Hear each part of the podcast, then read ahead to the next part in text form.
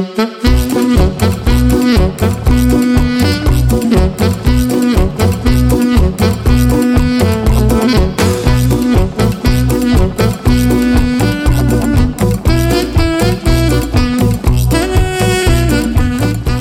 Verne ging in zijn fameuze boek in 80 dagen de wereld rond. Ach, dacht Nathan, laat ik daar nog maar 74 dagen aan vastplakken. Of waren het 47? Van Nederland naar Kirgizië beleefde hij fantastische avonturen die het beluisteren zeker waard zijn. Welkom bij de Kermiskoers, de podcast met je broodnodige dosis wielerduiding en actualiteit. Door je favoriete Groningse studenten. Mogelijk gemaakt door de mannen van KVM Media nemen op in de uiterst moderne studio. En vandaag niet zo broeierige studio in de Groningse Paasholtseweg. Ik ben Niels de Jonge en tegenover mij zit Thijs van den Berg Hoi. en Nathan Kistjes. Hallo, hallo. Nathan, Hallo. welkom. Dankjewel. Ja. Hij zit er eindelijk. ja, Leuk om hier te zijn. lang aangekondigd. We, Ja. hebben, je, we hebben je vaak eh, genoemd in de podcast. ja, Leuk dat je terug bent in Nederland en dat je onze gast wil zijn vandaag. ja, dankjewel. Het is ook leuk om weer terug te zijn. Ja, Eh, ja zal ik meteen maar even beginnen met de vraag die we elke week stellen. Hoe gaat het ermee? Het gaat eh, heel goed met mij. Ja, ik ben alweer helemaal eh, gewend aan het leven hier in Nederland. En eh, dat bevalt eigenlijk heel goed. Het studieleven. Ja, weer eh, keihard aan het studie. Ja. En eh, dat was eerst wel even wennen na zo lang eh, niet studeren. Maar eh, ja, het is wel leuk. Ja, en heb je ook eh, bijvoorbeeld moeten wennen aan, eh, aan het contact met mensen überhaupt? Want je hebt natuurlijk vier maanden, nee, maar je hebt vier maanden best wel een eh, een alleen leven geleefd. Eh, ja, wel een beetje. Ja. Wel minder dan ik had verwacht. Ik had verwacht dat het echt een grote schok zou zijn. Maar toen ik hier terugkwam, toen was het net keiweek. En toen eh, liep ik door de stad en toen kwam ik weer allemaal bekenden tegen. En eh, toen merkte ik wel aan het eind van de dag dat ik echt helemaal kapot was. Gewoon van weer small talk maken en eh, met iedereen en eh allemaal kletsen. Ja, Ja. snap dat ik. was wel weer even wennen. Hoe is je, hoe is je Engels eh, geworden, zeg maar? Ehm, ja, best goed. Maar niet, eh, niet zoveel verbeterd. Want het was wel een beetje statement Engels wat ik allemaal... eh, Ja, en het is waarschijnlijk ook niet zo dat ze daar heel goed... eh, nee, Engels, nee, op veel plekken eh, heel slecht. Dus Ja. meer, mijn handen en voeten taal is wel heel goed geworden. ja. Ja, eh, ik, ik spring er meteen in, maar ik zal even voor de luisteraars die niet helemaal doorhebben wie jij bent en wat jij doet, eh, een korte introductie geven. Jij bent eh, een, een middelbare schoolvriend van ons. Ja. We kennen Basisschool basisschoolvriend. Ik heb ook nog tegen jou gedampt vroeger eh, in een heel ver verleden. In Eelde, ja. Eh, ja, Oh ook, ja. ook nog mooie kampioenschappen meegemaakt. Nathan, jij was best wel goed daarin, toch? Ja, ik mocht tegen Niels. Dat is een hele. een ja, hele dan was je wel goed. Nee, nee het was, eh, we gingen zelfs naar de Drentse kampioenschappen volgens mij een keer. Ja, ik kan me niet zo goed herinneren, Nee? maar ik weet nog wel dat ik een keer in Eelde heb gedampt. Ja, Ja. nou, dan heb je het ver geschopt. ja. Eh, ja, voor de rest, eh, ja, volgens je fietst eh, regelmatig. eh, en Ja. je bent op het lumineuze idee gekomen om een, een fietstocht te gaan maken. Ja, Ehm, en wat voor fietstocht was dat en waarom heb je die keuze gemaakt? Ehm, nou, dat was een, eh, een fietsvakantie eigenlijk van, eh, vanaf mijn huis hier in Groningen. Uiteindelijk naar Kirgizië in Centraal-Azië, net voor de grens van China. Ja. En ehm, ja, daar, ik had een jaar vrij en ik wist nog niet zo goed wat ik daarin moest doen. En eh, hier in Groningen fiets ik ook veel. En eh, toen dacht ik, waarom kan ik niet die tijd die ik nu vrij heb mooi eh, op de fiets eh, besteden? Hoe, hoe vaak heb je de vraag, vraag gehad, ben je gek? Ja, heel, heel vaak. Ja. ja. En heb je die, vaak, of die vraag meer gekregen op reis of voordat je op reis ging? Ehm, nog meer voordat ik wegging. Ja, denk ja, ik. dat denk ik ook wel. Ja. Want op zich, je, je zag best wel, nou niet veel, maar wel best wel redelijk wat andere fietsers. ja, er waren heel veel mensen die dit ook doen. Dat, daar verbaasde ik mezelf ook een beetje over. Ja. Want eh Kirgizië is een bestemming die dan als fietswalhalla wordt gezien. Ja. Ehm, dus er, is ook een soort van fietsroute die daar naartoe leidt met verschillende eh, mensen die dat dan ook eh, willen doen. Ja, klopt. Maar was dan per se Kirgizië het doel voor jou of wilde je gewoon ergens lang heen fietsen? Ehm, ik wilde vooral ergens heel lang heen fietsen. En toen ging ik eh, het jaar voordat ik wegging eigenlijk veel onderzoek doen naar de, de opties die je hebt. En hier vanuit Nederland eh, zijn, als je echt ver wil, zijn die best beperkt. Ehm, naar Ja. het zuiden kom je op een gegeven moment in Afrika. En daar zijn heel veel landen waar het gewoon eh, geopolitiek niet zo stabiel is. En Ja. waar het dus best onveilig is om te fietsen. Mhm. Kan best, maar het is niet... Ik had hiervoor nog nooit een fietsvakantie gedaan. Dus dat vond ik nog En, maar een en beetje je ging ook in je eentje natuurlijk. Ja, dus, ehm, dus toen kom je al snel, als je vanaf hier echt veel wil fietsen, dan moet je eigenlijk naar het oosten, want aan de andere kant zit natuurlijk de zee. Ehm, en Kirgizië is niet per se een heel spetterend einddoel. Er is daar niks wat ik wilde zien, behalve het fietsen zelf. Maar ik kreeg van heel veel mensen de vraag, van, wat doe je dan als je daar bent? Is daar een stad die je graag wil zien? En eh, die was er niet. Ik ben in twee dagen weer naar huis gevlogen. maar eh, ik heb, ben vooral ehm, die kant op gegaan en daar gestopt omdat je vanaf daar eigenlijk niet verder kan. De Ja. grens met China is dicht, dus daar kun je niet heen. En eh, je kunt nog verder naar noorden naar Kazachstan en Mongolië, maar dat is oneindige steppen en daar is ook heel weinig te beleven. Ja. Maar ja, Dus- het, het gaat sowieso ook gewoon om de fietstocht zelf Ja, natuurlijk. precies. Niet, eh, Ja. niet om de Dus die eindbestemming is inderdaad niet zo belangrijk. Nee.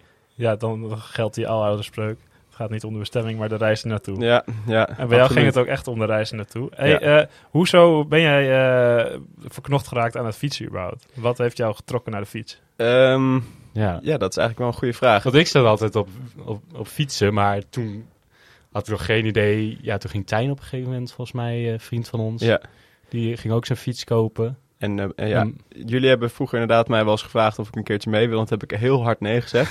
vroeger leek het mij de verschrikkelijkste sport die er, die er maar was. En, snap, ehm, ik, snap ik al hoor. ja, ik snap het niet meer. Ik kon het me echt niet voorstellen dat, dat je daar plezier aan beleeft. Maar ik ben toch echt om nu. Eh, ja, het was vooral, ik woon in huis met allemaal eh, fanatieke roeiers. En tijdens corona het, eh, mochten zij allemaal niet meer trainen. Dus toen zijn ze allemaal op de fiets gestapt. En dan ging mijn hele vriendengroep samen fietsen zonder mij. En dat leek zo gezellig. en toen had ik zoveel FOMO dat ik dacht, ah, het ziet er toch best leuk uit. Maar laat ik ook maar een keertje meedoen. Dus toen Ja. ben ik eigenlijk langzaamaan begonnen met, met fietsen. Ja. En toen op een gegeven moment een baan ervan gemaakt, zowat. Ja, ja ik werk hier ook als, als fietscourier in Groningen bij Cycloon. Dus toen deed ik het ook nog eh, Ja. voor het geld eh, rondjes fietsen. Maar dat is ook gewoon, zeg maar, als je inderdaad zo'n ziek lange reis eh, op de planning hebt staan, dan eigenlijk is zoiets dan eigenlijk de perfecte iets om te gaan doen. Ja. Echt te werken. Want je maakt gewoon elke dag je, hoeveel, was, hoeveel is het? De- kilometer? Eh, de- ja, dat verschilt ongeveer? heel veel per dienst. Een beetje tussen 30 en 100 kilometer. Ja, maar dat het zijn is, gewoon... En ook nog met een dikke bakfiets voorop. ja, het is op een hele zware bakfiets, dus het gaat helemaal niet zo hard. Dus je maakt wel hele lange dagen. Precies zoals als je op, de, op een fietsreis ook maakt. Gewoon lang eh, op het zadel zitten en niet zo hard trappen. Gewoon Mhm. een lage intensiteit. ja. Dus dat was goede training, ja. Ja, dat- ik zie eh, eh, die Douwe doet dingen ook wel eens eh, op zo'n cycloonfiets eh, fietsen. Dat is een uh, Ja, hij daar ook. Leuke gast is dat volgens mij wel, die eh, ja, allemaal challenges aangaat. En die heeft dat ook aangegrepen als een soort van eh, halve trainingsmethode, halve bijbaan. Ja, Ja. ik had zijn filmpjes ook gezien en toen dacht ik ook, dat ziet er best leuk uit. En ik ken ook wat mensen die er werkt. Hij is inmiddels gestopt. Hij is eh, fulltime eh, filmpjes gaan maken. Ja. Maar Groot gelijk. ja. ja. Ik ben wel bijna een keer aangereden door... eh, volgens mij was jij het niet, Nathan, maar... Ze schijnen altijd wel haast te hebben. ja, ik moet eerlijk bekennen dat ik ook wel een paar keer bijna iemand ben aangereden. Dat is wel deel van de sport. Ja, maar je moet, dat is volgens mij met alle bezorgers natuurlijk wel zo. Die eh, wat minder eh, het idee van de andere verkeer, heb ik het idee. Ja, de, Maar- druk, de druk om zo hard te fietsen daar is niet zo hoog. Maar de meeste Ja. mensen die er werken zijn wel competitieve fietsers. Dus die Ja. vinden het wel leuk om een beetje te kijken hoe hard je Ja, je door de stad ook, kan racen. moet ook gewoon een fietspakje aan natuurlijk. Eh, ja, en zo ben je eigenlijk een beetje begonnen met fietsen. En was, was, dat, eh, was dat eigenlijk een voorbereiding op, op die reis? Of had je eh, pas op een later moment echt besloten van ik wil die reis gaan doen? Ehm, het was niet dat ik specifiek meer ging fietsen om, om het extra te trainen voor die reis. Ik fietste Mhm. toen sowieso al wel veel. Dus ik hoefde niet nog meer uren te maken om eh, me voor te bereiden. Want wat heb je gedaan om je voor te bereiden? Ehm, ja, vooral heel veel gewoon op internet onderzoek doen naar eh, materiaal en routes. En er is op internet heel veel te vinden over, over reizen met de fiets van andere mensen. De mensen die, die dat doen, die willen heel graag ook daarover Ja. delen. Dus er zijn echt rabbit holes waar je uren kunt eh, spenderen op YouTube en op eh, fora en zo. Met allemaal info over landen waar je doorheen kan en de routes en wat voor materiaal je nodig hebt. Dus Mhm. ik heb wel denk ik een jaar voorbereiding, eh, of een Ja. jaar de tijd genomen om alles voor te bereiden en alle spullen uit te verzamelen en testritjes maken met kampeerspullen en, eh, Ja. en de fiets zelf. Maar dan nog, je kan je nooit echt voorbereiden natuurlijk op zo'n reis. Nee, klopt. Ja, overal, eh, veel mensen die, eh, die zeggen ook, ja, het is eigenlijk best om van tevoren een eh, weekje al in je eigen regio op vakantie te gaan, om een beetje voor te, dat heb ik ook niet gedaan. Nee. Ik was erg slecht voorbereid eigenlijk. En ik had ook nog nooit een fietsvakantie gedaan. Maar dat- dat is ook wel deel van de charme, denk ik, dat je... Ja. dat vond ik ook zelf heel interessant. Dat je gewoon erin stort en denkt, ja, er gaan sowieso heel veel dingen fout. En Mhm. dan eh, dat je ook op jezelf aangewezen bent om het dan maar op te, op te lossen. En ergens in eh, Noord-Macedonië de boel eh, uit te zoeken als je geen internet hebt en eh, je niet weet waar je heen moet. Dat je ook daar, dat is ook deel van de lol om daar de, de, de puzzel op te lossen. Hoe je Ja. nog, eh, Ja. En het scheelt in, in dat opzicht nog wel dat je in Nederland begint en langzaam van Ja. nou, bekend gebied naar, naar wat eh ruiger gebied gaat, laat ik het zo zeggen. Want Ja. als je midden in Kirgizië was begonnen en je komt dan eh, iets tegen waar je direct hulp bij nodig hebt, dan wordt het misschien wat lastiger. Ja, andersom was het me niet gelukt. Nee? 100%. Want wat zijn de dingen waar je in de eerste weken tegenaan bent gelopen in eh, Europa nog? Ehm, er waren niet zozeer dingen waar ik, die echt misgingen aan het begin, maar wel ehm, een beetje zelfvertrouwen wat je krijgt, dat je weet dat je jezelf een maand kan redden op de fiets bijvoorbeeld. En in, in Europa is het nog wel heel veilig dat je weet als je fiets kapot gaat, is er een fietsenmaker binnen 50 kilometer sowieso en kun je een taxi bellen die je erheen brengt. Mhm. En als je het echt niet meer ziet zitten en het omweert, dan kun je een hotel pakken. Dus gewoon heel veel vangnetten die je zou kunnen, Ja. kunnen nemen om, om, de, Gewoon- bo- om de pro- problemen op te lossen als die zich voordoen. En die raken wel wat minder hoe verder je komt als je in dunner bevolkte landen komt en eh, in andere gebieden. Zeker ook met gewoon voedsel en water natuurlijk. Ja, dat ook heel erg. Ook Ja. eh, zulke lange dagen fietsen was, is best eh, zwaar voor je lichaam. En daar moet je wel heel veel bij eten. En in Europa is dat heel makkelijk. Dan kun je gewoon bij elke Lidl jezelf helemaal vol proppen op de parkeerplaats. en dat heb ik dan ook heel erg gedaan. Dus na, na mijn eerste etappe Europa, toen was ik eh, denk ik 37 dagen onderweg. En toen was ik zelfs een kilo aangekomen. Echt? Terwijl ik dacht dat ik heel erg zou afvallen. Ja, maar dat is ook wel spieren natuurlijk. Ja, dat, ja, maar alle spieren van mijn bovenlichaam eh, ben, Ja, ik, ver- ben ik eh, verloren.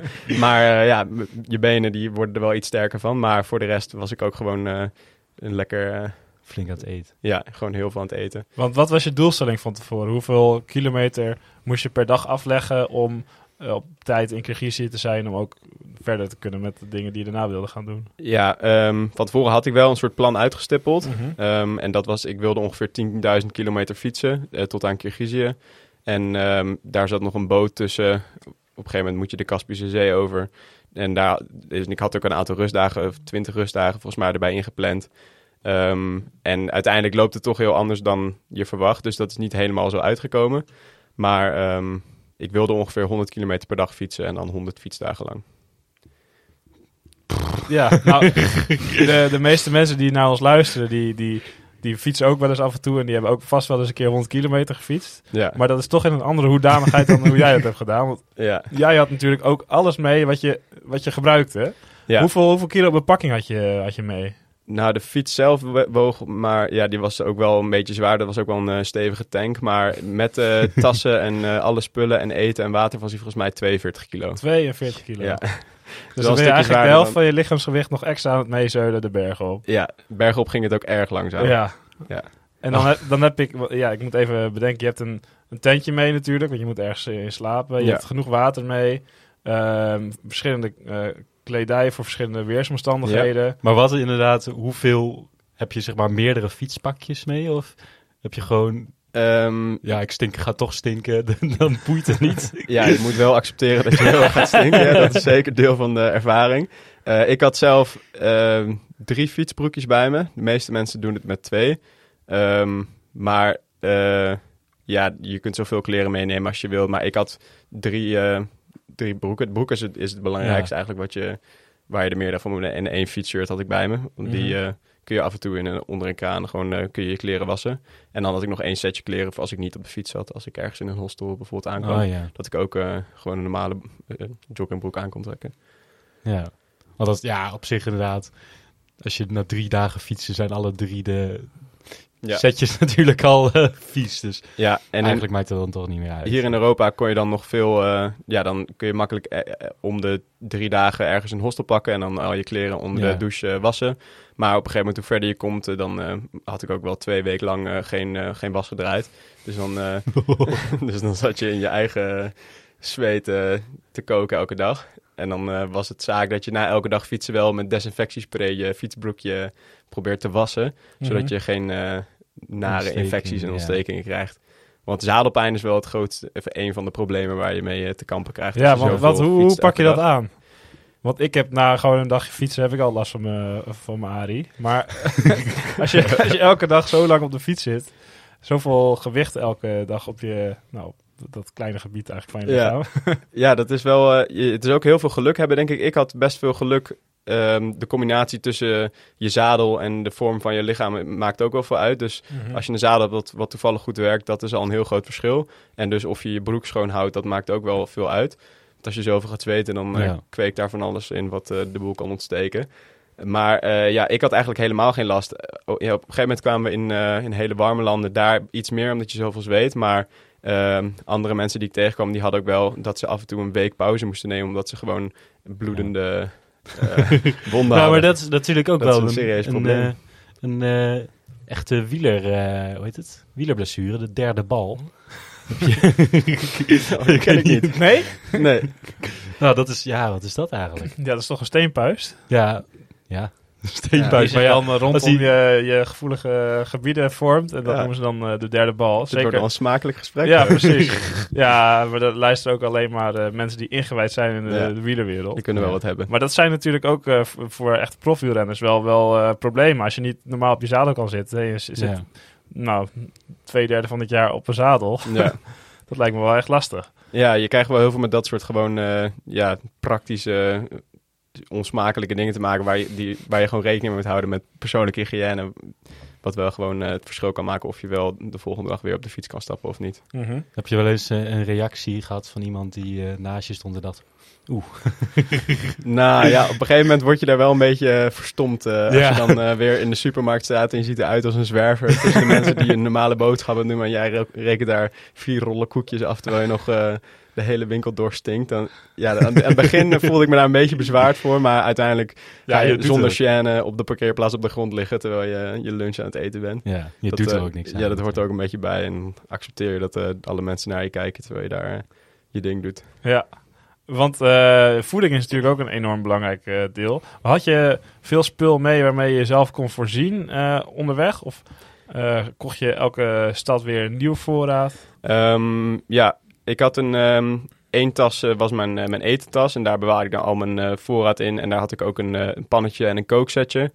Ehm, en ik nam op zich niet zo heel veel eten mee. Ik denk voor één dag ontbijt en lunch en avondeten en heel veel snacks om op de fiets te eten. Ehm, want je kan eigenlijk bijna overal waar ik ben geweest wel één keer per dag boodschappen doen. Ehm, Hm. Zeker in Europa is dat echt helemaal geen probleem. En hoe verder je komt moet je wel erover nadenken dat je genoeg water koopt. En dat je een beetje een eh, emergency eh, eh, maaltijd bij je hebt. Voor als je toch een lekker band krijgt en je redt het niet tot een dorpje. Dan is het wel belangrijk dat je genoeg calorieën bij hebt om door te kunnen fietsen. Ja. Ja. Maar En, ja, dan ook zeg maar de hele tijd een beetje koekjes eten. Ja, helpt dat nou echt? Of? Ja, het, ja, het helpt wel echt. Het gaat er gewoon echt om dat je genoeg calorieën binnenkrijgt. En vooral genoeg koolhydraten. Ja, dus ja. koekjes zijn dan wel vaak... eh, zeker hoe verder je kwam in Centraal-Azië... daar worden de, de supermarkten wel wat, eh, wat simplistischer. Op een gegeven moment dan zijn het eigenlijk gewoon eh, dorpjes met een paar huizen erin. En dan één heeft toevallig een, woon of een eh, supermarktje in zijn woonkamer. Dan vraag je daar aan de eerste man op een paard eh, waar de, de magazine zat. En dan wees hij je naar een huis en dan klopte je daar aan. En dan kwam je in de, in de woonkamer en er lagen dan allemaal zakken met rijst en allemaal spullen die je kon kopen. Maar daar, daar viel het wel heel erg tegen. Daar had je niet, zoals bij de Lidl, de verse broodafdeling. Dan kon je eigenlijk alleen maar rijst en pasta en een blik tomatenpuree kopen. En als je geluk had, een paar uien of een paar groenten. Maar eigenlijk was dat het wel. Maar dat, zijn natuurlijk, dat is ook wel krachtvoer wat je nodig hebt op zo'n eh, op zo'n reis. Ja, ja, vooral koolhydraten, dat is gewoon heel belangrijk dat je daar genoeg van binnen krijgt. En op een gegeven moment eh, gingen we ook wel wat eh, vitaminepillen inslaan. Ja. Omdat we gewoon weken geen fruit of groente tegenkwamen.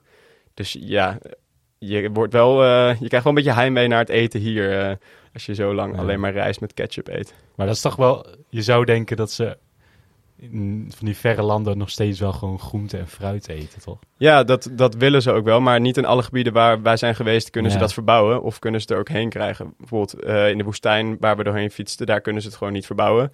En daar is het heel duur om het met de vrachtwagen heen te brengen, omdat het zulke grote afstanden zijn. Mhm. En ook hoog in de bergen kunnen ze dat niet echt verbouwen. En daar zijn de wegen ook zo slecht dat het er niet echt heen wordt gebracht. Dus alles wat je daar koopt wordt of lokaal gemaakt of, eh, of wel eh, voor hoge prijzen daarheen gebracht. Ja, dus mensen zijn daar in die gebieden ook veel meer zelfvoorzienend eh, dan wat we hier in Nederland gewend zijn. Ja, eh, ik geloof dat eh, in Tajikistan echt een heel hoog percentage van de mensen die daar in het land wonen, die wonen, werken gewoon in, op het land om gewoon voor hunzelf eten te, te verbouwen. Mhm. Dus dat is wel heel anders dan hoe het hier gaat.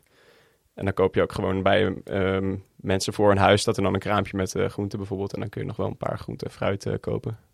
Ja.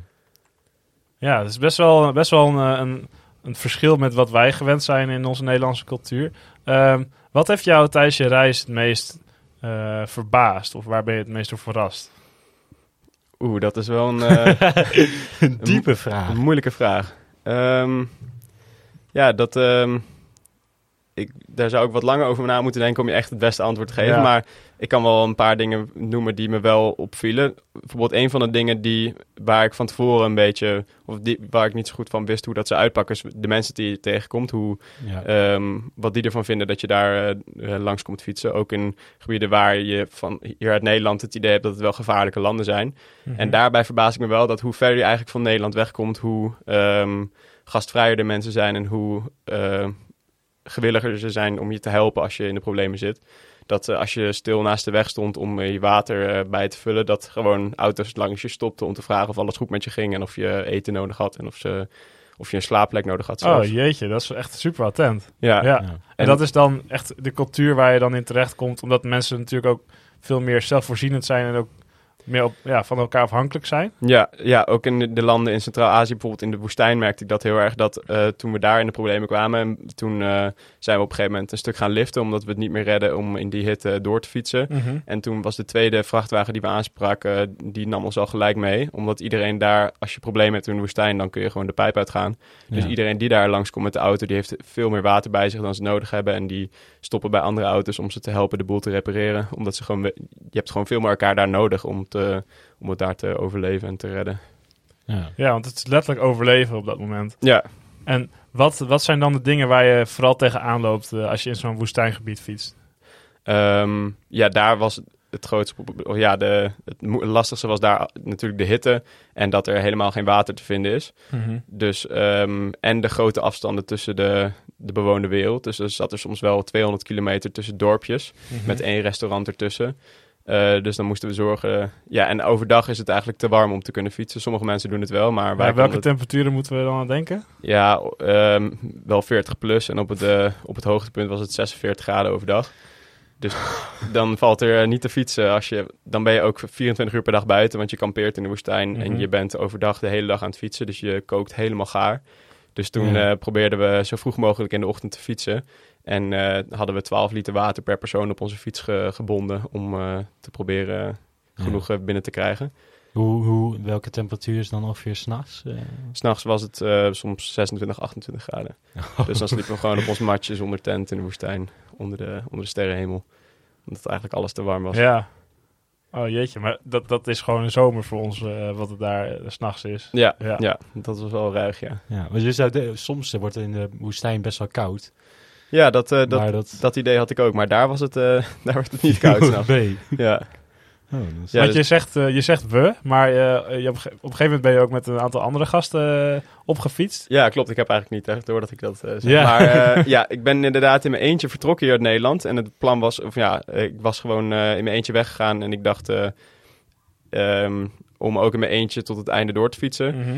Ehm, en al na ja, heel Europa heb ik in mijn eentje gefietst. En aan het eind merkte ik wel dat ik, er, dat, ik dat toch mi- minder gezellig vond dan, ik, Mhm. eh, dan ik had verwacht. Ja, misschien had ik me daar ook een beetje op gekeken. Minder gezellig. Iedereen die zei al, ja, je bent gek dat je dat in je eentje doet. En toen dacht ik, ja, dat zal wel goed komen. Maar ja, ze hadden toch wel een beetje gelijk dat het niet zo leuk is in je eentje.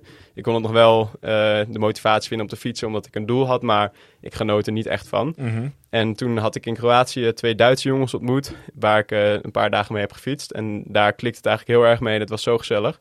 En zij hadden eh, na Istanbul nog geen eh, verdere plannen gemaakt, maar die wilden ook nog drie maanden doorfietsen. Oké. Dus toen ik eh, eenmaal Europa uit was en ik was in Turkije aangekomen, hebben we elkaar daar weer opgezocht. Mhm. En toen ehm, gingen we weer samen fietsen en toen hebben we besloten dat we met z'n allen mijn eh, plan naar Kirgizië zouden gaan afmaken. Oh, wel nice. Dus je hebt ze gewoon overtuigd om jouw plan eh, te ver van maken Ja, met ja. jou.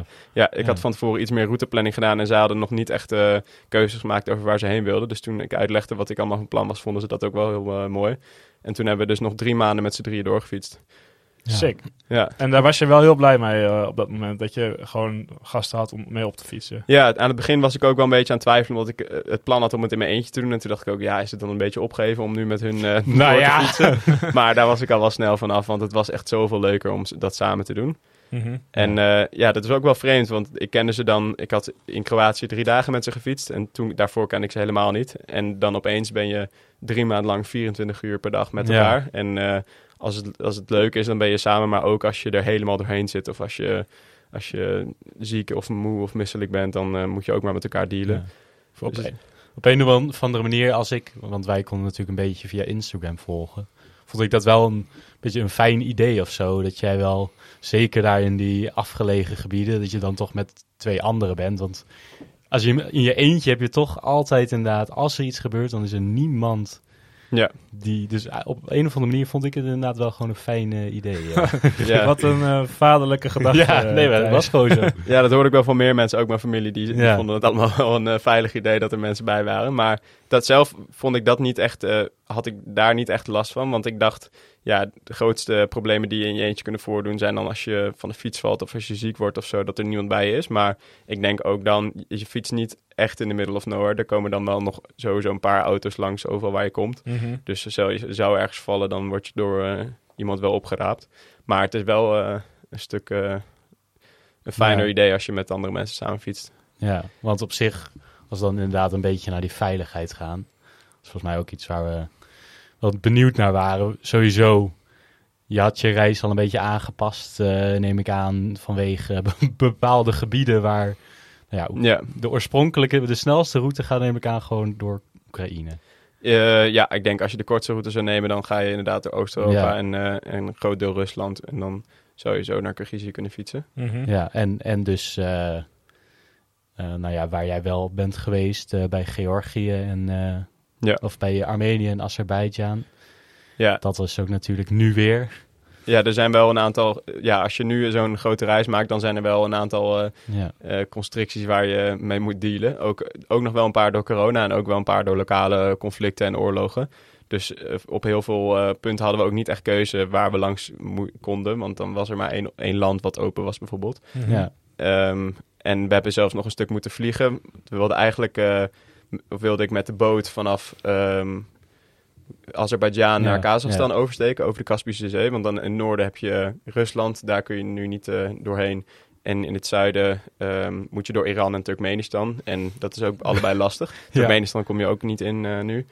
Ehm, dus daar gaat wel een boot, maar toen was Azerbeidzjan ook nog dicht. En toen eh, waren de opties op. Toen zaten we vast in Georgië. En toen hebben we een vliegtuig genomen over de zee. Dus Ja. zijn we vanaf daar verder gaan fietsen. ja.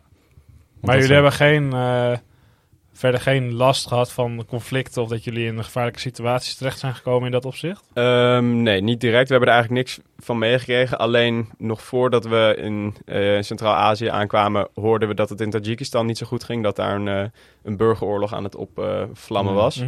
Ehm, toen, dat, toen wij daar kwamen, viel dat wel mee. Er was wel een, het jaar daarvoor grote opstand geweest. Maar de- als je daar gewoon bent en met die mensen praat, dan merk je er eigenlijk helemaal niks van. Ja. Dus dat het beeld wat je eh, hier op internet krijgt, is niet helemaal representatief van hoe het daar ook echt eh, is. Nee, en ze hebben natuurlijk dan ook niks tegen jou of zo. Dus het Nee, is ook klopt. niet dat ze dan... Nee. eh, Nee, zeker als je daar gewoon als vrolijke fietser aankomt, dan. Zijn ze alleen maar eh, benieuwd wat je daar aan het doen bent, inderdaad, in plaats van dat ze vijandig Mhm. eh, zijn. Ja, wat ik me wel afvraag, want eh, je komt natuurlijk helemaal vanuit Nederland aangefietst en je, je praat dan met de plaatselijke bevolking in de wat oostelijke landen over je reis. Ja. Ehm, begrijpen mensen echt wat je aan het doen bent? Want het kan natuurlijk ook zo zijn dat die mensen zijn wel iets meer in een eh, zelfvoorzienende en overlevende modus dan, dan jij als vrolijke student die daar een beetje komt rondfietsen. Ja, dat verschilt nou, een het is beetje. niet meer vrolijk hoor. Eh, ja, dat verschilt wel mee. Het, het, eh, een van de problemen was dat eh, ehm, als je ehm, in de, de Centraal-Aziatische landen, de stannen, komt, dat daar eigenlijk niemand Engels praat. Eh, daar wordt eigenlijk alleen maar Russisch als tweede taal ge- gesproken. En dat eh, beheers ik niet zo heel goed. Eigenlijk Nou, wij hebben nog eh, niks. Russisch gedaan hè, op de basisschool. Ja, dat klopt. Maar dat ben ik allemaal vergeten. dus Eén ik, zinnetje wist ik nog, volgens mij. oh, dan heb Vertel. je meer dan onthouden dan ik. Nee, volgens mij weer alleen nog Privet. Ja. Ja, nou, dat was ik zelfs al vergeten. Dus dat moesten we daar met Duolingo nog, een, ja, nog drie woorden proberen bij te spijkeren. Maar het was dus best wel lastig. Je kon niet echt inhoudelijke gesprekken met mensen voeren. Ook al waren we heel benieuwd hoe, hoe zij over ons dachten en hoe de, hoe, hoe, wat zij voor leven daar leidden. Was Mhm. het best lastig om dat, eh, zeg maar, eh, een gesprek met hun aan te knopen. Ja.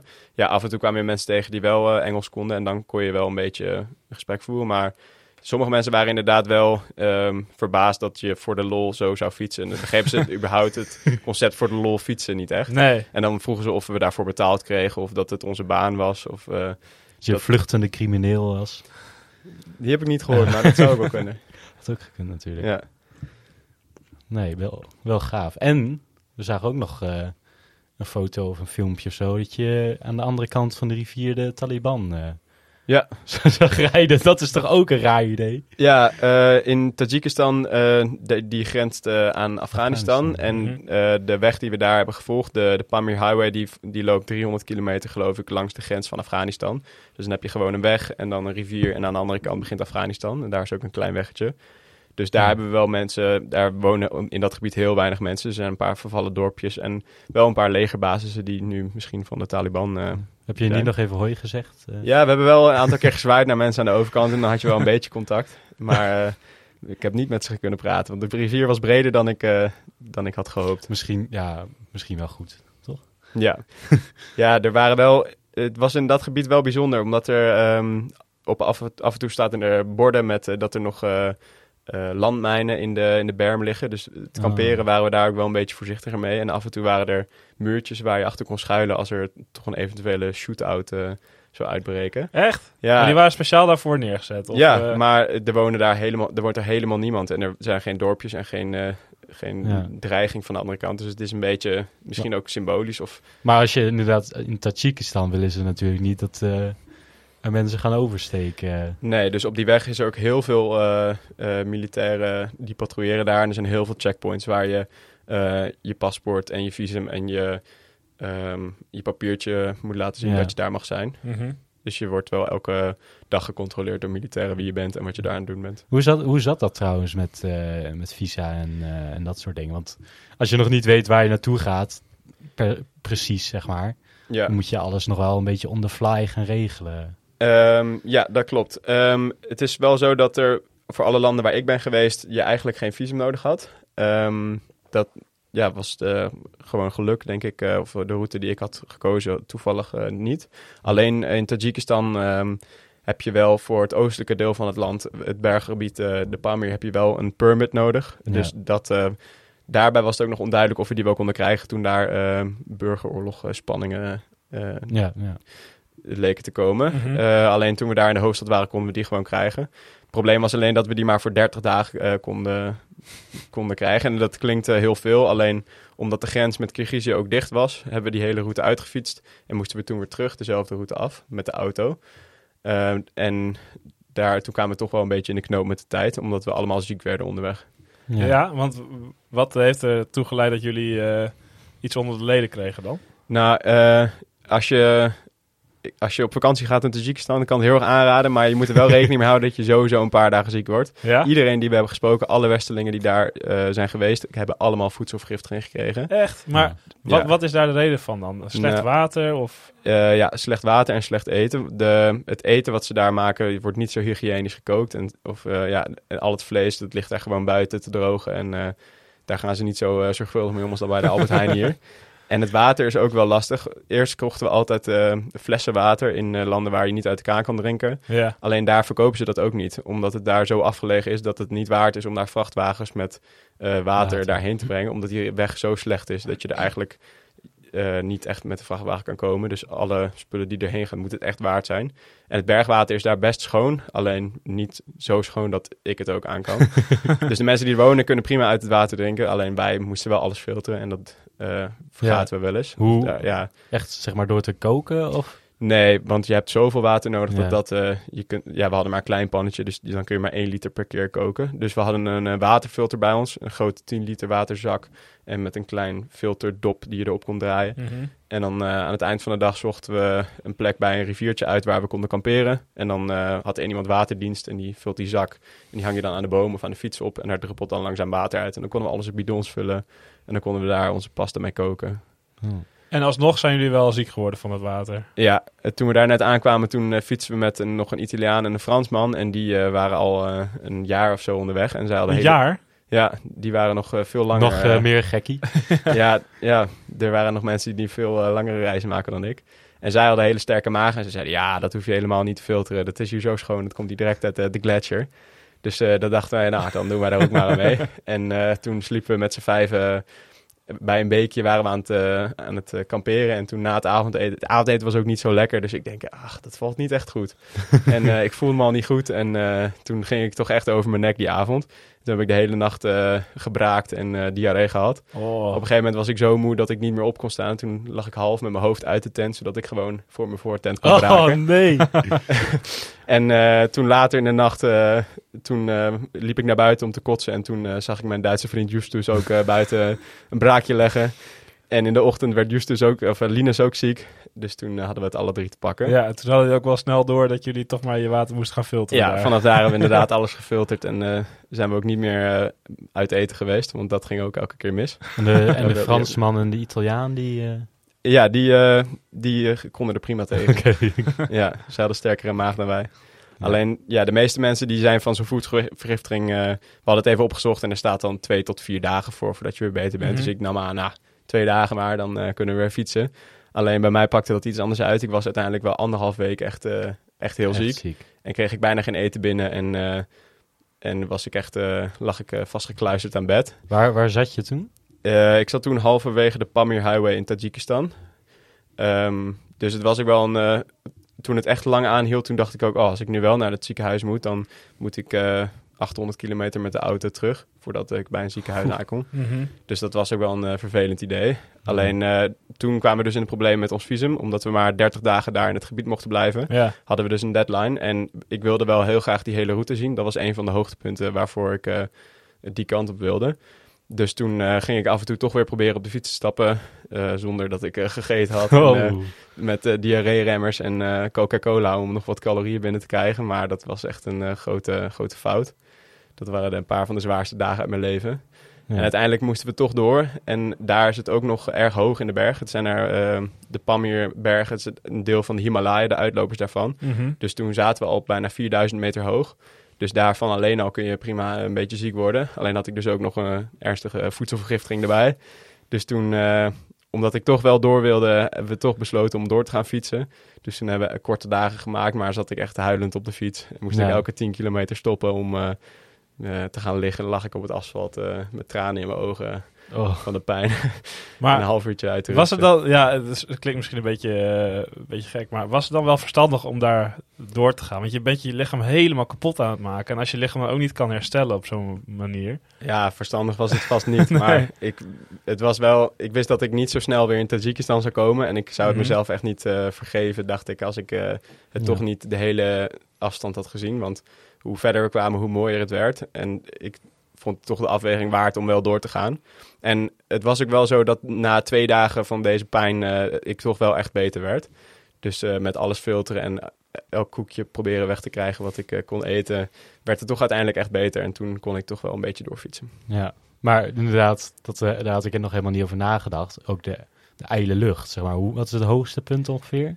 Eh, de hoogste pas die we hebben gedaan was 4655 meter. Ja, dat is gewoon de hoogste berg van Europa. Ja, het is net, net niet zo hoog als de Mont Blanc. Oh, nou, maar ongeveer. Ja, het is wel eh, enorm hoog, ja. Dus dat is gewoon een hoogtestage. Ja. Ja, ik hoopte ook, eh, van tevoren had ik het idee dat toen ik daar weg zou komen, dat ik eh, enorm fit was. Alleen ja, dat, door- doordat ik zo ziek was, was ik eh 6 kilo afgevallen. Dus toen was ik juist zwakker dan dat ik ooit ben geweest. Maar ja. Het was wel eh, heel bijzonder om op zo'n hoogte, te, we zijn ongeveer een week op, eh, op 4000 meter geweest. Ja. En dat is wel echt eh, een interessante beleving. Want op het moment dat je opstaat, alleen al vanuit je bed opstaan en je matje oprollen en je sokken aantrekken, dan lig je al hijgend in je tent. Ja. En alles kost gewoon tien keer zoveel moeite om voor elkaar te krijgen.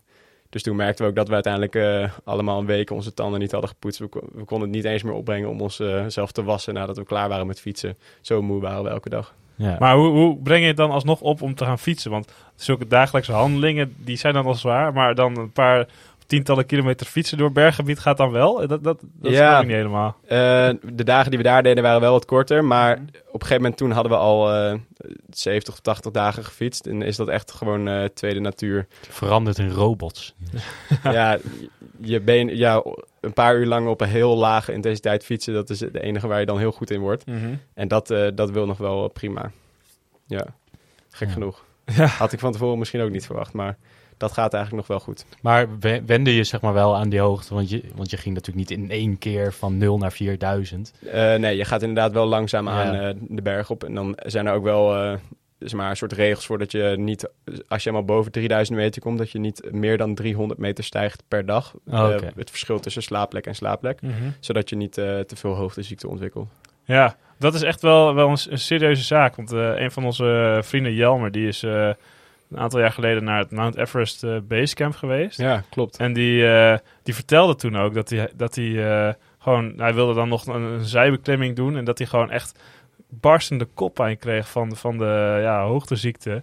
Dat Ja. ook gewoon, dat hij daarmee moest oppassen. Omdat anders moest hij een, eh, een eh, helikopter laten invliegen. Nou, dat kost echt superveel geld Ja. om, om, Oh, ze, om naar een ziekenhuis te gaan. Ja. Want eh, je, als, je, als je dat eenmaal hebt, dan, dan kom je er ook niet meer zo makkelijk van af. ja, de enige optie is dan om af te dalen. Ja. Maar dan moet je dan wel in de buurt zijn. Ja, dan moet je wel kunnen afdalen. Ja, precies. Ja. En hier was het niet zo hoog dat je echt eh, zulke vervelende hoogteziekte... Ja, het zou wel kunnen als je er in één keer eh, heen zou gaan. Maar Mhm. het is wel zo'n lange beklimming dat je er niet in, eh, in één dag bent. Dus we kwamen wel mensen tegen die om zijn gedraaid omdat ze gewoon te ziek waren. Maar het is, je wordt er niet, het is niet levensbedreigend, het is niet zo gevaarlijk. Maar het is zeker wel iets waar je rekening moet houden als je daar aan het fietsen bent. Ja, ja en je zegt net, we kwamen allemaal mensen tegen. Wat zijn de, de gekste of leukste mensen die je bent tegengekomen ja, op je reis? Ehm, ja, we kwamen heel, van tevoren inderdaad, eh, iedereen die ik mijn plan vertelde, die, die maakte me voor, eh, voor gek uit. maar als je Dus je eenmaal, was eh, zelf misschien eigenlijk de gekste die je tegen bent Nee, absoluut niet. Als je helemaal eh, ver in Centraal-Azië bent, zeker in Tajikistan, waren we op een gegeven moment in de hoofdstad, eh, waar je je permit moet halen voor dat gebergte. Mhm. En daar is eigenlijk maar één hostel waar alle toeristen zitten. Dus daar kom je iedereen tegen die in dat gebied wil, eh, wil eh, ja, die daar avonturen wil beleven. Mhm. En daar kwamen echt de, de gekste mensen kwamen we daar tegen. Russische teams van eh bergexpeditie die daar eh, vier weken lang door de hoogste bergen gingen trekken.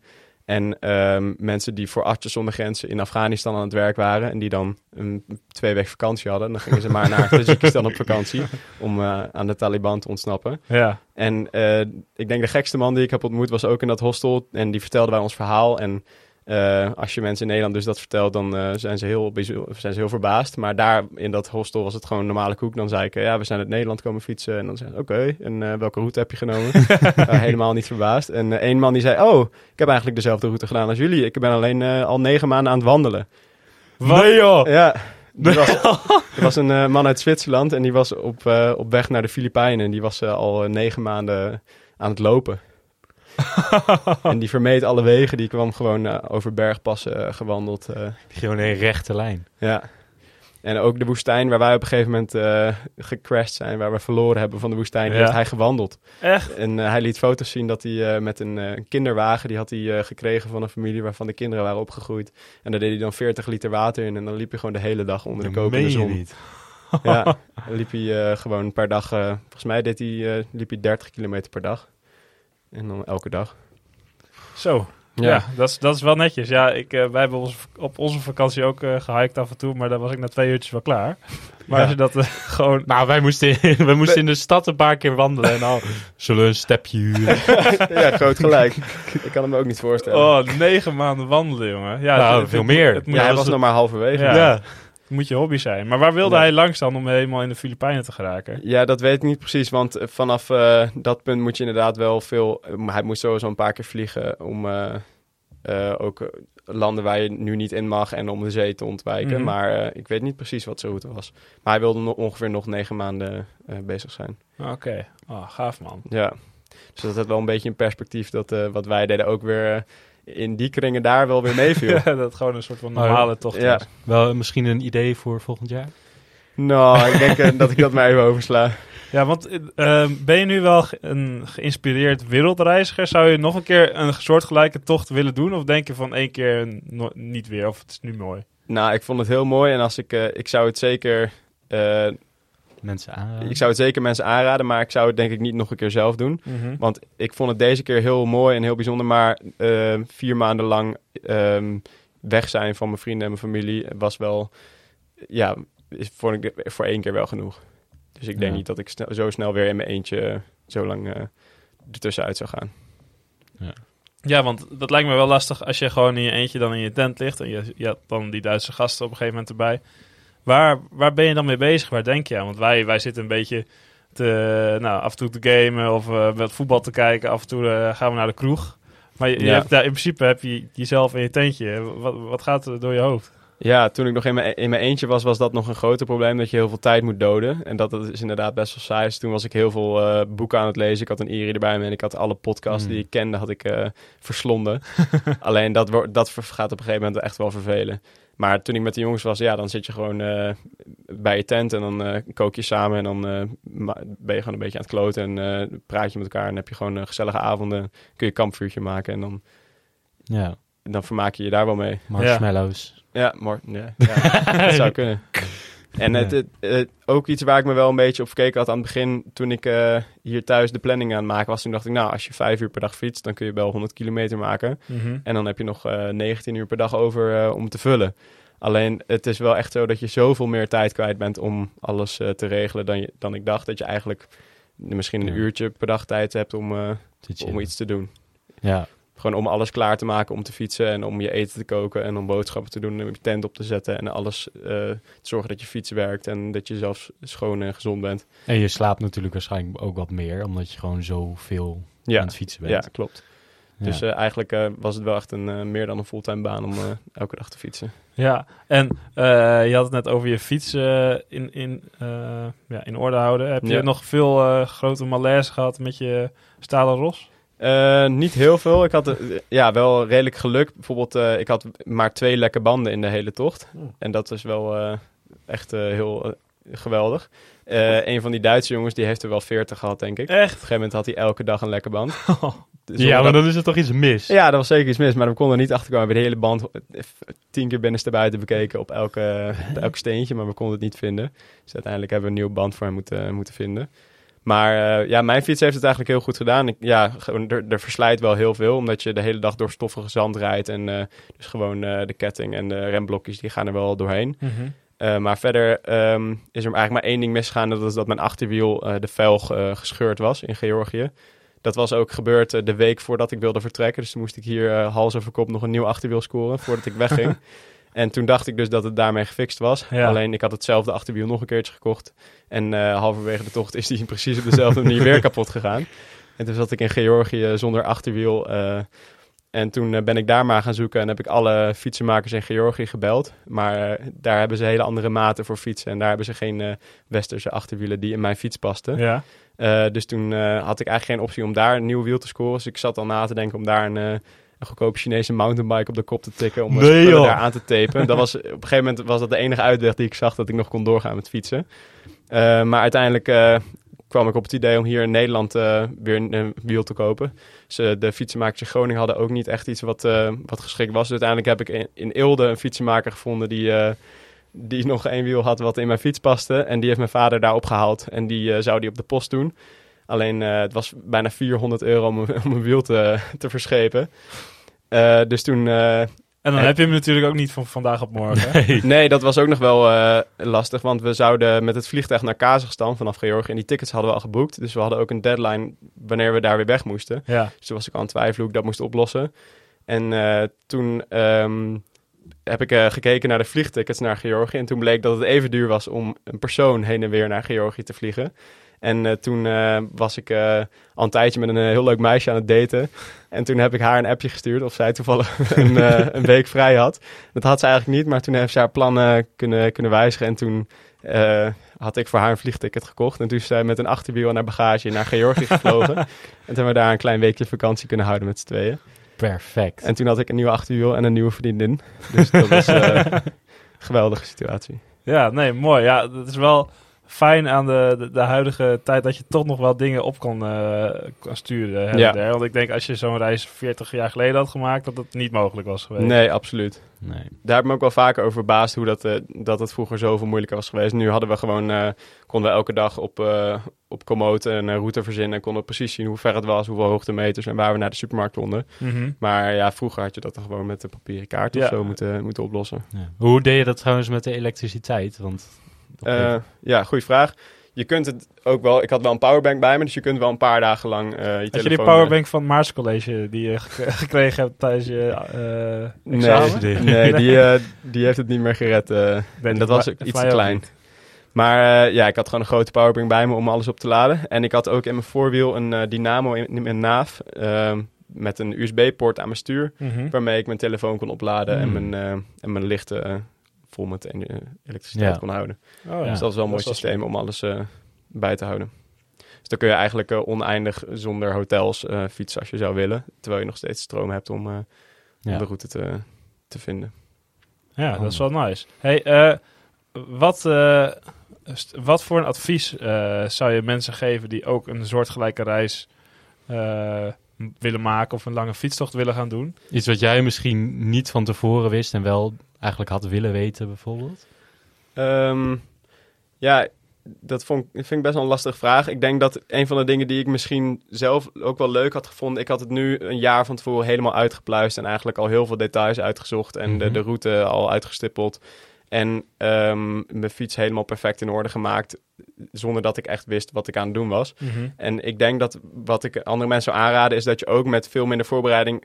eh, gewoon maar op eh, je stadsfiets kan stappen met een rugtas op... en een tas op je, op je achterdrager dat je ook al heel ver kan komen. Dat je helemaal niet zo heel veel eh, geld hoeft uitgeven of heel veel voorbereiding nodig hebben om Ja. twee weken te gaan fietsen, bijvoorbeeld, of een maand of vier maanden. Mhm. Dat het niet, allemaal niet zo perfect hoeft als. Misschien is dat niet het beste bestemming, maar Nee, misschien niet, maar eh, ook dat zou best kunnen. Dat je dan eerst in Nederland hier op een, eh, op een slechte oude fiets eh, kijkt of je het leuk vindt. En dan onderweg leert wat, wat eigenlijk handig is en Ja. wat voor fiets je nodig hebt. Want dat vond ik aan het begin wel lastig. Ik had nog nooit een fietsvakantie gedaan. Ik had geen idee wat voor spullen ik nodig had. En daar had ik ook wel een paar slechte keuzes in gemaakt. Maar dat maakt ook niet uit. Dan kom je op een gegeven moment achter dat je slaapzak veel te, te koud is. En dan heb je een paar bevroren nachten. En dan bedenk je, ja, dan koop je weer wat anders. Dus je Ja. moet vooral niet, ehm, het niet doen omdat je bang bent voor de dingen die er mis kunnen gaan. Want er gaan sowieso wel veel dingen mis. Maar Mhm. ik zou gewoon vooral wel eh, een keer een week of eh, langer gaan fietsen. En gewoon maar zien hoe het is. ja. Ja. En over een nieuwe slaapstap kopen, hoeveel geld heeft dit ongeveer eh, gekost? Dat is ook wel handig om te weten natuurlijk, eh, als je zoiets... eh, Ja, eh, ik heb best veel, eh, veel eh, goede spullen gekocht van tevoren. En een, een fiets die er echt voor, voor gemaakt was. En ik denk dat ik al met al misschien 2000 euro kwijt was met de spullen die ik eh, van tevoren heb gekocht. Mhm. Ja. En ik had er voor eerst heel lang gewerkt om het te sparen. Maar als je helemaal op weg bent, dan vallen de kosten wel mee. Dan is het eigenlijk heel goedkoop. Het is goedkoper om met de fiets op reis te zijn dan hier in Groningen te wonen als student. Ja. Want hier betaal je ja, 400 euro aan de kamer bijvoorbeeld. En daar ben je de helft van de tijd aan het kamperen of meer. Als je wil kun je elke dag kamperen. Mhm. En dan heb je helemaal geen, eh, geen kosten. Dan hoef je alleen te koken. Dus Ja. het is, eh, de kosten zijn, vallen wel mee. ja. Oh, Dat klinkt wel goed. Hey, Ja. eh, ik stelde aan het begin van de podcast een vraag over wat je het meeste heeft verrast. Heb je nog na kunnen denken over wa- wat je eigenlijk het meest is ja, bijgebleven of, of heeft verrast in de, in de reis? Oeh. Nee. Ik moet zeggen dat ik er niet heel veel meer over heb nagedacht. Vind ik, eh, vind ik Nee, lastig. Je hebt zoveel vragen gesteld, Niels. Ja, Ja. klopt. Dat is wel waar. Ik, ik ga er nog even over nadenken. Misschien kom ik nog bij terug. Nou, zullen we, zullen we dan even, dan geef ik je even de tijd om na te denken. Want eh, dan gaan we even naar een fragmentje, denk ik. eh, wat we proberen zo vaak mogelijk erin te fietsen als kan. Eh, namelijk deze. Kommetje, kommetje, Ja, want je hebt niet alleen eh, eh, gefietst in Nederland, maar ook in Kirgizië. En daar heb je zelfs een kommetje weten te, Nee, Nee, ho, ho. niet te fietsen, maar je hebt hem niet gehaald. Net niet. Even kijken hoor. Ik heb hem proberen te vertalen, want... eh, Voor de mensen... Voor de mensen die hem ook willen gaan proberen. ja, Ja, als iemand ooit in de buurt is, Ja. is het een heel mooi segmentje. Ja, in het, vrij vertaald uit het Russisch heet het de Taran eh Bazarovskaya terras. Taran Bazarovskaya. Ja, Ja. Wie kent hem niet? Ehm, en die heb jij gefietst. Ehm, even kijken hoor. Jij staat daar als... ehm hoeveelste in het klassement? Ik geloof als vierde. Ehm, ik zie je niet staan in het klassement. Tenzij jij Rajic W. Nimjani heet. Dan is er misschien al, eh, ben ik uit de, Dan ben je uit de running, denk ik. uit de, de scoreborden gereden. Ja, want Ja. die staan heel veel in augustus. Wat? Er zijn heel veel augustus, september 2022 in. Oeh, Oh, je bent er al uitgereden, man. Dan denk ik dat ik wel weet hoe dat zit. Nou? Eh, toen wij in uh, Kirgizië waren, toen ehm, kwamen we allemaal mensen tegen die daar een eh, hele lange wedstrijd gingen rijden. De Silk Road Mountain Race. Ja. Dat is eh, een soort van wat ik heb gedaan, maar dan in wedstrijdvorm en dan alleen in Kirgizië. Dus wie het snelst 2000 kilometer door de bergen kan fietsen zonder eh, ondersteuning. Oké. En daar, dat zijn de echte gekken van de, van de fietswereld. Ja. Die met zo min mogelijk bepakking eh daardoor de vrieskou eh, fietsen de, de hele dag en nacht door.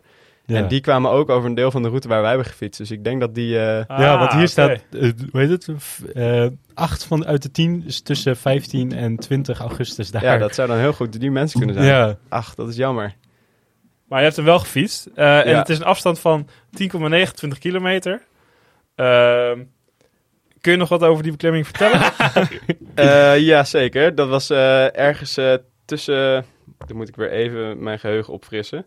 Tussen Jalalabad en eh het Songkoelmeer. ja. Heel mooi gebied. En dat is eh, richting het einde van onze reis. En toen eh, waren we bijna klaar. Dus toen dachten we op die klim... we kunnen wel even kijken wie daar het snelst boven is. en dat was ik helaas niet. Maar toch nog wel in de top 10 eh, geëindigd. dat je daar dan nog aan denkt. Hè? Een, Ja, Snel nog even een, nog even een bordjesprint of zo. Ja, ja. en ja, het is heel mooi daar. En volgens mij was het een onverharde klim eh, van 10 kilometer lang. 4% geloof ik. ja, gemiddelde helling 3,8% zie ik hier. Ja, dus als je ooit in de buurt bent, kan ik het heel erg aanraden. Klim van tweede categorie. Eh, onze luisteraars, die wil ik zeker aanmoedigen om eh, hier te gaan fietsen. Ik zou En- wel je 40 kilo bepakking thuis laten. Dan ga je een stuk makkelijker Ja. de berg op. En de, voor degenen die hier ook gaan fietsen, die mogen ook te gast komen in onze podcast. Ja. Ja, dat is leuk. Ja, maar ja, super, super gave, gave route. Eh, mooie verhalen. Ehm, wat, is, wat is een les die je, die je hieruit meeneemt voor de rest van je leven? Je stelt me wel diepe Ja, vragen, zeg. precies. Oh, ik word hier wel even eh, op blok gezet. Ehm, ja, ik denk een van de dingen die ik, die ik hoopte dat ik mee zou nemen... was toen ik daar zoveel fietste... dat ik door zoveel mensen heel erg hartelijk werd ontvangen... en dat ik zoveel... eh, dat ik eh, langs een straat kon fietsen... en dat we mensen uit, eh, uitgenodigd werden om daar te komen lunchen... en thee kregen en dat ze we bij hun binnen mochten slapen. Gewoon, ze waren zo gastvrij en ze wilden zo graag je helpen... en je... eh, laten zorgen dat je daar thuis voelt. Dus dat is wel een van de dingen die ik hoopte dat ik dat, ik dat hier een beetje meeneem. Dat je, als ik hier een keer iemand tegenkom die hier niet uit de buurt is, dat je die ook, eh, dat ik die kan teruggeven wat ik ook zoveel heb gekregen daar. Ja. Mooi. Ja. Zeker. Mooi. Ehm, ja, ja, ik weet je, ik zou wel een, een hele dag lang vragen kunnen stellen over alle geweldige dingen die je daar hebt gedaan. Eh, maar ik denk dat je wat, wat je net zei wel echt eh, heel mooi is. Als je gewoon eh, maar een paar dagen of eh, een weekje ergens gaat fietsen, dan kom je vanzelf dingen tegen. Ja, Eh, dus dat wil ik eh, de luisteraars ook meegeven, ook namens jou. Eh, klinkt het nou surrealistisch? Ga gewoon lekker een paar dagen fietsen en dan kom je er vanzelf achter of het leuk is. ja absoluut. Ehm, ja, dat, dat, eh, dat was eigenlijk eh, de podcast vo- voorbij. Eh, Mooi. ik weet niet of Thijs nog eh, prangende vragen heeft. Nee, ik ben eh, helemaal... eh hoe. Ik heb nog wel een vraag. Gaan Ja? jullie nu ook binnenkort eh, een keer op fietsvakantie? Nou, ik, ben nu, ik voel me wel heel erg geïnspireerd, Nathan. en ook lichtelijk gepusht nu door jou. Maar eh, nee, het lijkt mij zeker leuk. Ik Eh, moet eerst maar eens eh, weer mijn eh, rem van de... Ik krijg hem niet meer van mijn, van mijn wiel af. ja, dan, dan wordt het wel een lange fietstocht, ja. Extra eh, training. Nee, Met ik eh, hou het eerst nu bij het hardlopen. Goed. Misschien dat ik eh, ooit eh, daarheen ga hardlopen. Ja, met een, eh, met een kinderwagen Met een kinderwagen. ja. Nou, ik heb wel een, eh, een huisgenoot van mij, eh, Pieter. Een shout-out naar jou, Pieter. Die gaat eh, komend eh, voorjaar gaat hij, eh, van helemaal het zuidelijkste puntje van Noorwegen naar het noordelijkste puntje van Noorwegen fietsen. Dus die is eh, nu ook een harde voorbereiding om alle spullen bij elkaar te halen. En die, Wat vet. die komt elke Ja. dag, eh, dat hij een pakketje binnenkrijgt, komt hij even laten zien wat voor nieuwe schoentjes of dingen die hij heeft eh, aangeschaft. Dus eh, ik zal hem ook wel even vertellen dat hij hier naar moet luisteren om eh, tips en tricks mee te nemen. Ja, als je nog tips wil, dan eh, mag je een Ja. berichtje sturen. Ja, nee, super. graag helpen. Superleuk. Eh, ja, ik ben zeker geïnspireerd. Ik hoop dat de luisteraars ook geïnspireerd zijn eh, door jouw geweldige verhaal. Eh, de mensen die nog meer willen zien of horen van wat Nathan heeft gedaan, die kunnen Karren met Kistjes account nog even bekijken op Instagram. Hele mooie- Prachtige foto's. ja, prachtige foto's. Ook door jouw vrienden wel. Die, een van die gasten, die kan echt mooie filmpjes en eh, foto's eh, schieten. Ja, daar Ja. best wel geluk mee Ja, daar had ik heel veel geluk mee. Toen ik alleen fietste, dan baalde ik al dat er geen enkele foto van mij was. Dan moest ik Ja. zo'n hele ongemakkelijke selfies maken als ik ergens op een mooie plek was. Maar nu waren er gewoon jongens die echt goede foto's konden maken Ja, met een goede klopt. camera bij zich. En dan kan ik die nog een keer aan de muur Ja, ik, kan één foto van jou nog wel herinneren dat je op een eh, woestijnvlakte fietst tussen twee kamelen in. En dan zie je jou daar zo strijdend eh, ja. Ja. in de woestijn. ja, dat was gek nog wel een van de foto's waar ik hier van, toen ik hier zat, al van droomde. Omdat ik wist dat ik in gebieden zou komen waar we wel kamelen tegenkwamen. Ja. Dat was gewoon een, een van de dingen die ik echt niet kon geloven. Dat je vanaf de fiets een kameel zou zien naast de weg. Dus ik zei al tegen de jongens, oh, op het moment dat ik een kameel zie, dan word ik helemaal gek. En Ja. toen hebben we dus daar, eh, zij- kwamen die kamelen tegen. En toen hebben, we daar, eh, hebben zij daar de beste foto ooit van gemaakt. Ja, Tussen dat is twee echt een kamelen foto. Ja. Voor de mensen die dat na willen bootsen, moeten ze even langs Haren fietsen, waar Circus Rens nu op dit moment is. dan kun je ook langs kamelen Ik fietsen. zag ze inderdaad. Maar dat geeft toch een, andere, ga- geeft toch een Ja. ander idee, denk ik. Maar eh, ja, ja, daar had je echt wel eh, geluk mee inderdaad. Zoveel gave foto's en filmpjes heb ik voorbij zien komen. Ja. Ook eh, het andere account van jouw vrienden, Random Nurse, is dat volgens mij. Ja, dat, dat is ook dat echt moet je ook zeker even eh, bekijken. De, die, die gasten die, eh, die kunnen het wel. Ja, Ook die foto dat, ze, dat jullie in een bushokje ergens midden in de woestijn of zo liggen. ja, helemaal wit. Dat is Ja. ook, ja. heel erg cool. Ja. En zij konden ook hele mooie foto's maken van de, van de sterrenstelsel, van de Melkweg. Dus dan waren ze de hele dag al aan het kijken waar de Melkweg vannacht stond en hoe fel de maan was. en dan, eh, zodat ze s'nachts timelapses konden maken met eh, long exposure op een camera. Oh, Echt ja. geweldige foto's van een opgelichte tent voor een sterrenhemel in de woestijn. En dat soort, eh, dat soort dingen. ja, inderdaad. Nou, eh Nathan, ik denk dat wij, wij gaan afronden. Eh, Goed. Heb je nog iets wat jij wil delen of wil zeggen? Of, eh, of eh, Nee, ik wil jullie heel erg bedanken dat ik hier eh, mocht, mocht langskomen. Ik vond het heel erg leuk. En ik Ja, vond het ook heel erg leuk toen ik eh, op reis was om eh, elke week of elke twee weken als jullie een podcast eh uitbangen. Dan zei ik even tegen mijn twee Duitse vrienden dat ik weer even de podcast ging luisteren. En eh, ik vond het zo leuk om daar te horen dat, eh, dat jullie het hier volgden. En eh, ja. Ja, dat was geweldig. Ja, ik denk niet nou, dat we alles goed hadden gezegd. Nee, dat geeft niet. Maar dat heeft me wel echt op de been gehouden. Nou, echt mooi leuk. man. Ja, nee, wij hebben ook erg genoten van jouw reis. Eh, en eh, nou, hou ons op de hoogte voor je volgende avonturen. Ja, dat zal Eh, ik doen. bedankt dat je eh, ja, wilde komen tijdens de podcast. Tuurlijk. Even denken, dan moet ik nog even vermelden natuurlijk dat mensen ons kunnen vinden op eh Dat Instagram. kan ook nog inderdaad. Ja, naast het eh Karren met Kistjes account kun je ook eh, de kermiskoers op Insta vinden. Op Twitter zijn we ook te vinden als de kermiskoers. En een mailtje kan altijd naar de kermiskoers.gmail.com voor eh, nou, een bericht over dat je de, de, de route van Nathan hebt verbeterd of eh, andere, andere zaken. Eh, bedankt voor het luisteren en eh, tot de volgende. Hey. Hey, tot ziens. Joe.